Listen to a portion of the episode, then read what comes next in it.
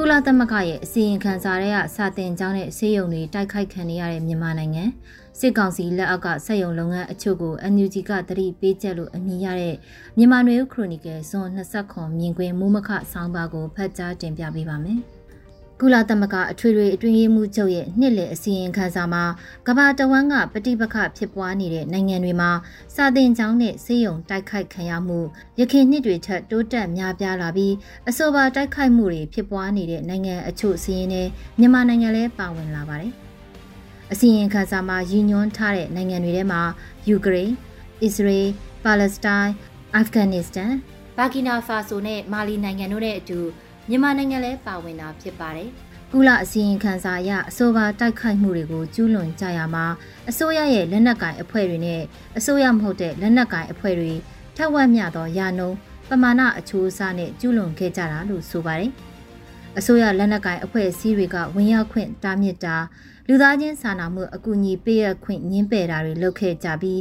တပ်ဖြတ်တာတွေမှာလည်းအစိုးရလက်နက်ကိုင်အဖွဲ့တွေပါဝင်ခဲ့ကြတယ်လို့ဆိုပါတယ်။ မြန်မာနိုင်ငံမှာဖြစ်ပွားနေတဲ့လက်နက်ကင်ပဋိပက္ခအများအပြားမှာစာတင်ကျောင်းနဲ့ဆေးရုံတွေကိုပြစ်မှတ်ထားတိုက်ခိုက်တာတွေဖျက်ဆီးတာတွေရှိတာကိုကြားသိမြင်တွေ့ကြရမှာဖြစ်ပါတယ်။အဓိကအားဖြင့်တော့တိုက်ခိုက်မှုတွေမှာစစ်ကောင်စီလေကြောင်းကတိုက်ခိုက်မှုတွေအများအပြားပါဝင်နိုင်ပြီးအပြန်အလှန်အားဖြင့်တော့စာတင်ကျောင်းနဲ့ဆေးရုံတွေမှာတက်ဆွဲနေတဲ့စစ်ကောင်စီတပ်တွေကို PDF တပ်ဖွဲ့တွေကတိုက်ခိုက်မှုတွေလည်းပါဝင်နိုင်ပါတယ်။ စာတင်ကျောင်းလိုမျိုးမှာစကန်ချထားတဲ့လက်နက်ကိုင်အဖွဲ့ကိုစန့်ကျင်ဘက်လက်နက်ကိုင်အဖွဲ့ကလာရောက်တိုက်ခိုက်တာမျိုးတွေမြန်မာနိုင်ငံမှာဖြစ်ပွားနေကြအဖြစ်အပျက်တွေဖြစ်နေတဲ့သဘောမျိုးကြားသိနေရတာပါ။ယမန်နှစ်ကယူကရိန်းရုရှားစစ်ပွဲစတင်ဖြစ်ပွားကာစကာလမှာစာတင်ကျောင်းနဲ့ဆေးရုံတွေမှာနေရာယူတက်ဆွဲတဲ့အကြောင်းကိုနိုင်ငံတကာလူ့အခွင့်အရေးအဖွဲ့ AI လို့ခေါ်တဲ့ Amnesty International ကဖော်ပြရေးသားပြီး ရုရှားတပ်တွေသာမကယူကရိန်းတပ်တွေနဲ့လည်းစာတင်ကျောင်းလိုဆေးရုံလိုနေရာမျိုးတွေမှာ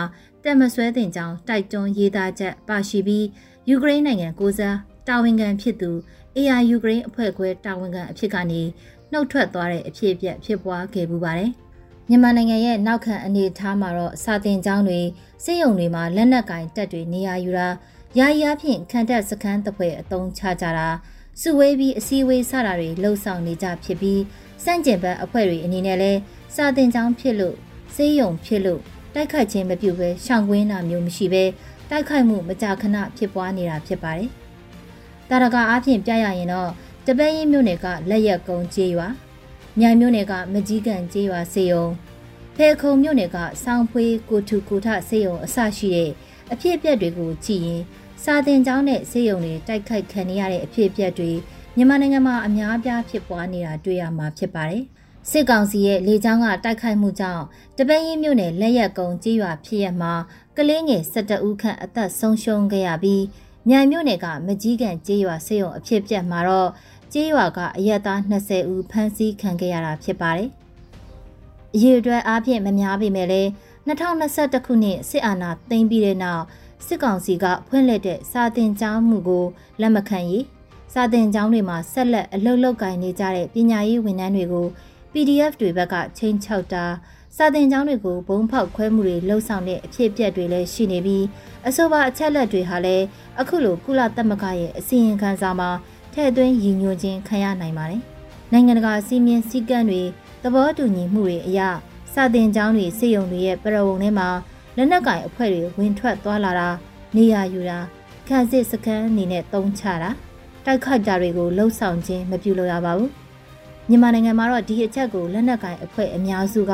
လိုက်နာမှုမရှိကြတာတွေ့ရမှာဖြစ်ပါတယ်။ကြေးရွာတွေနဲ့မြို့တွေမှာဒေသအခြေအနေမတည်ငြိမ်လို့စာတင်ကျောင်းတွေပိတ်ထားရတဲ့အနေအထားမှာလက်နက်ကင်တပ်တွေအနေနဲ့နေရာယူစခန်းချဖို့ဖြစ်လာတာမျိုးဒါမှမဟုတ်စာတင်ကျောင်းတွေစာတင်ကြားနေချိန်မှာလဲ စာတင်ကျောင်းတွေတိုက်ခိုက်မှုဖောက်ခွဲမှုမခံရအောင်အကြောင်းပြချက်နဲ့စစ်ကောင်စီတပ်တွေကစာတင်ကျောင်းနဲ့လုံခြုံရေးကင်းတွေနေရာယူပြီးစောင့်ကြပ်တာမျိုးတွေလှုံ့ဆော်လေးရှိကြတာဖြစ်ပါတယ်။အပြန်အလှန်အားဖြင့်တော့စစ်ကောင်စီလုံခြုံရေးကင်းတွေရှိတဲ့စာတင်ကျောင်းတွေကိုကာကွယ်ရေးတပ်ဖွဲ့တွေမျိုးပြပျောက်ကြားတပ်ဖွဲ့တွေကတိုက်ခိုက်တာဖောက်ခွဲတာတွေဖြစ်ပွားလိရှိတာဖြစ်ပါတယ်။ဒီနေ့ဖို့နောက်အကြောင်းအရာတစ်ခုကတော့စစ်ကောင်စီနဲ့ပူးပေါင်းပြီးအလုသမားအခွင့်အရေးတွေချိုးဖောက်နေတဲ့ စက်ရုံအလုပ်ရုံပိုင်ရှင်တွေကို NUG အစိုးရကသတိပေးလိုက်ပြီးရက်တန့်ခြင်းမပြုရင်ထိရောက်စွာအရေးယူမယ်လို့ထုတ်ပြန်ကြေညာလိုက်တဲ့သတင်းဖြစ်ပါတယ်။မကြသေးမီရက်တွေအတွင်းကရန်ကုန်မြို့စက်မှုစုံမှာဖွင့်လှစ်လောက်ကင်နေတဲ့ဟိုရှန်အထည်ချုပ်စက်ရုံကအလုသမားကောင်းဆောင်အချို့ကိုစစ်ကောင်စီကဖမ်းဆီးထားပြီးဘလို့အရေးယူမလဲတရားရုံးတင်ကပြည်ဒဏ်ချမှတ်မလားဆိုတဲ့အသေးစိတ်အချက်လက်တွေတော့ထုတ်ပြန်ပြောဆိုတာမရှိသေးပါဘူး ဒီဖြစ်ရတွေဖြစ်ပွားပြီးရက်အနေငယ်အကြာမှာအခုလို NUG အနေနဲ့လုပ်ငန်းရှင်တွေကိုသတိပေးချက်ထုတ်ပြန်လိုက်တာဖြစ်ပါတယ်ဒီနေရာမှာ NUG အနေနဲ့စက်ရုံလုပ်ငန်းရှင်တွေကိုဘယ်လိုဥပဒေနဲ့အရေးယူနိုင်မလဲဆိုတာရှင်းရှင်းလင်းလင်းမရှိတဲ့အနေအထားဖြစ်ပြီးစက်ရုံလုပ်ငန်းရှင်တွေအနေနဲ့အလုပ်သမားအခွင့်အရေးတွေကိုလိုက်နာကျင့်သုံးကြဖို့တိုက်တွန်းမှုကိုသာလုပ်နိုင်တဲ့အနေအထားမျိုးလို့ယူဆရပါတယ်။တစ်ဖက်မှာလည်းစစ်ကောင်စီနဲ့ပူးပေါင်းနေဆိုတဲ့ဆွဆွဲချက်က ရှင်းရှင်းလင်းလင်းမရှိတဲ့သဘောမျိုးတွေ့ရပြီးအလုပ်သမားခေါင်းဆောင်တွေဖမ်းဆီးခံရခြင်းကစစ်ကောင်စီကအလုပ်သမားအခွင့်အရေးလှုပ်ရှားမှုကိုနိုင်ငံရေးလှုပ်ရှားမှုနဲ့ချိတ်ဆက်ပြီးပြည်내အရေးယူမှုလုပ်နေတဲ့အနေအထားဖြစ်ပြီးအဆိုပါဖမ်းဆီးခံရတဲ့ဖြစ်စဉ်မှာ